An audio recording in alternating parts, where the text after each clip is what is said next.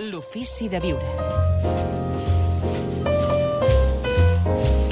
I arriba Àlex Rovira. Què tal, Àlex? Molt bona nit. Molt bona nit, què tal, Gaspar? Doncs encantat de tenir-te una nit més amb nosaltres. És un plaer. Una nit especial, com cada nit, Com cada d'altra nit. banda.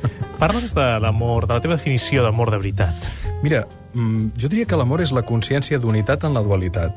Quan estimes algú, eh, l'incorpores, l'integres, sents, no des de la propietat, però sents que, que d'alguna manera n'ets responsable, et pertany. També estimar és cuidar. Jo crec que hi ha una identitat directa entre estimar i cuidar.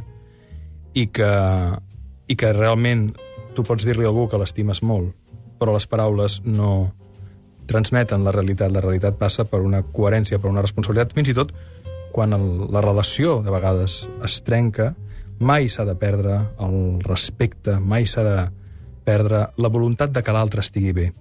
Probablement, com deia Antoine de Saint-Exupéry, l'amor no és més que el desig inevitable d'ajudar l'altre a que pugui arribar a ser qui realment és.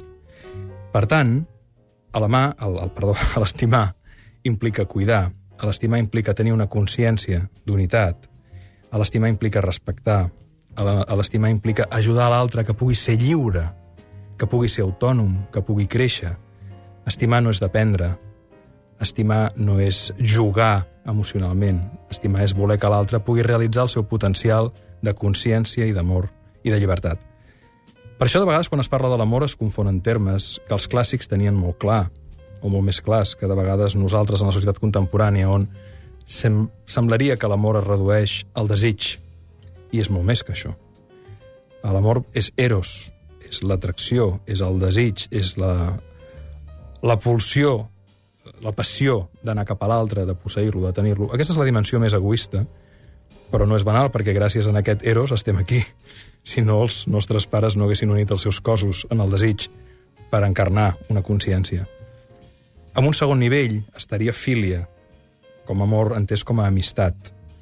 Um, en l'amor entès com a amistat, nosaltres li donem lo millor de nosaltres a l'amic i rebem lo millor de l'altre. És per això que es produeix un enriquiment mutu i un cert mimetisme en els bons amics de veritat ens passa que incorporem els seus dons i ells reben els nostres, de manera que fins i tot tenim maneres de parlar similars amb el pas del temps, tenim codis de comunicació basats en la complicitat que altres que no són del grup no en tenen. I també incorporem el seu univers de literatura, de música, de paisatges, d'experiències. És una forma més elevada encara d'amor, no? I finalment estaria eh, el que podríem, que en grec es deia l'agapé, el lliurament, l'entrega. El que es desprèn, podríem dir, de la consciència crística. L'amor incondicional, l'estar disposat a sacrificar-te per l'altre, el lliurament total, aquell que sentim probablement pels nostres fills, no? Per enclar-ho d'alguna manera, eh, Eros seria el desig, l'atracció, la pulsió que ens porta a la unió, Filia seria l'amistat, l'equació, la relació equilibrada, simètrica. Agapé és el lliurament, és a dir, sóc capaç de renunciar a la meva vida o al meu benestar. Dic la vida perquè és l'últim, és el do més sagrat que tenim, no? però sóc capaç de renunciar a tot perquè aquests que estan aquí eh, puguin créixer i puguin estar bé. I per mi l'amor, en, en el límit, si és alguna cosa a la qual hem d'aspirar, i si volem un món de pau i de justícia, hauríem de parlar de l'amor en aquest sentit. Perquè això és el que ens pot fer créixer com a persones i el que ens ajuda a fer l'alquimia interior. De fet, crec que si la vida té sentit és gràcies a aquesta dimensió. Les altres ajuden, són coadjuvants, són motivadores, però finalment és aquesta, no? Estem aquí per servir, estem aquí per ser útils. I tot el camí de la vida és un procés d'aprenentatge per integrar probablement aquesta dimensió. I com definiria Àlex Rovira l'amor que podem sentir cap a una persona desconeguda? Bé, aquí, aquí entraríem més en mecanismes psicològics que tenen a veure amb l'empatia, que tenen a veure amb... amb... Amb la qual no hi hagi atracció, eh? Clar, És a dir, amb el veí, de la, o amb, amb el senyor de la cantonada. Jo crec que, que en aquest cas ressonen eh, des de l'empatia, veiem en l'altre allò que nosaltres som, no?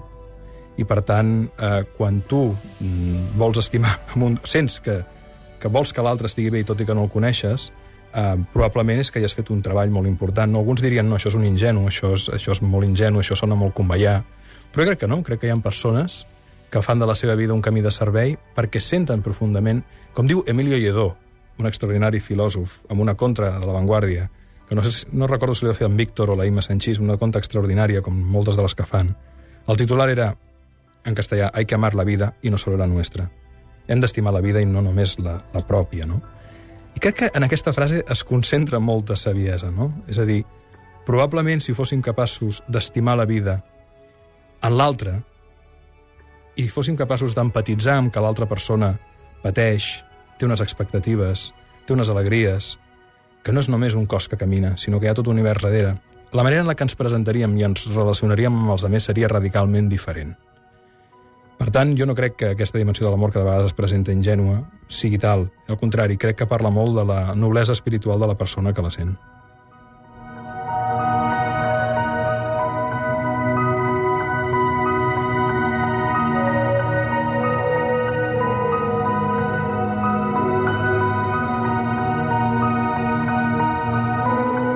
Com podem estimar més, Àlex? Com es pot desenvolupar l'amor? Clar, l'amor es desenvolupa com tot exercitant-lo. Vull dir, si tu vols fer massa muscular, has de fer un exercici cardiovascular per tenir un bon cor que t'aguanti i uns bons pulmons que respirin, però també una massa muscular que progressivament aguanti l'entrenament. Si tu vols desenvolupar la teva intel·ligència mental, has de fer exercicis de matemàtica, d'àlgebra, de càlcul, de lògica, has de treballar amb algoritmes, has de fer mètodes quantitatius.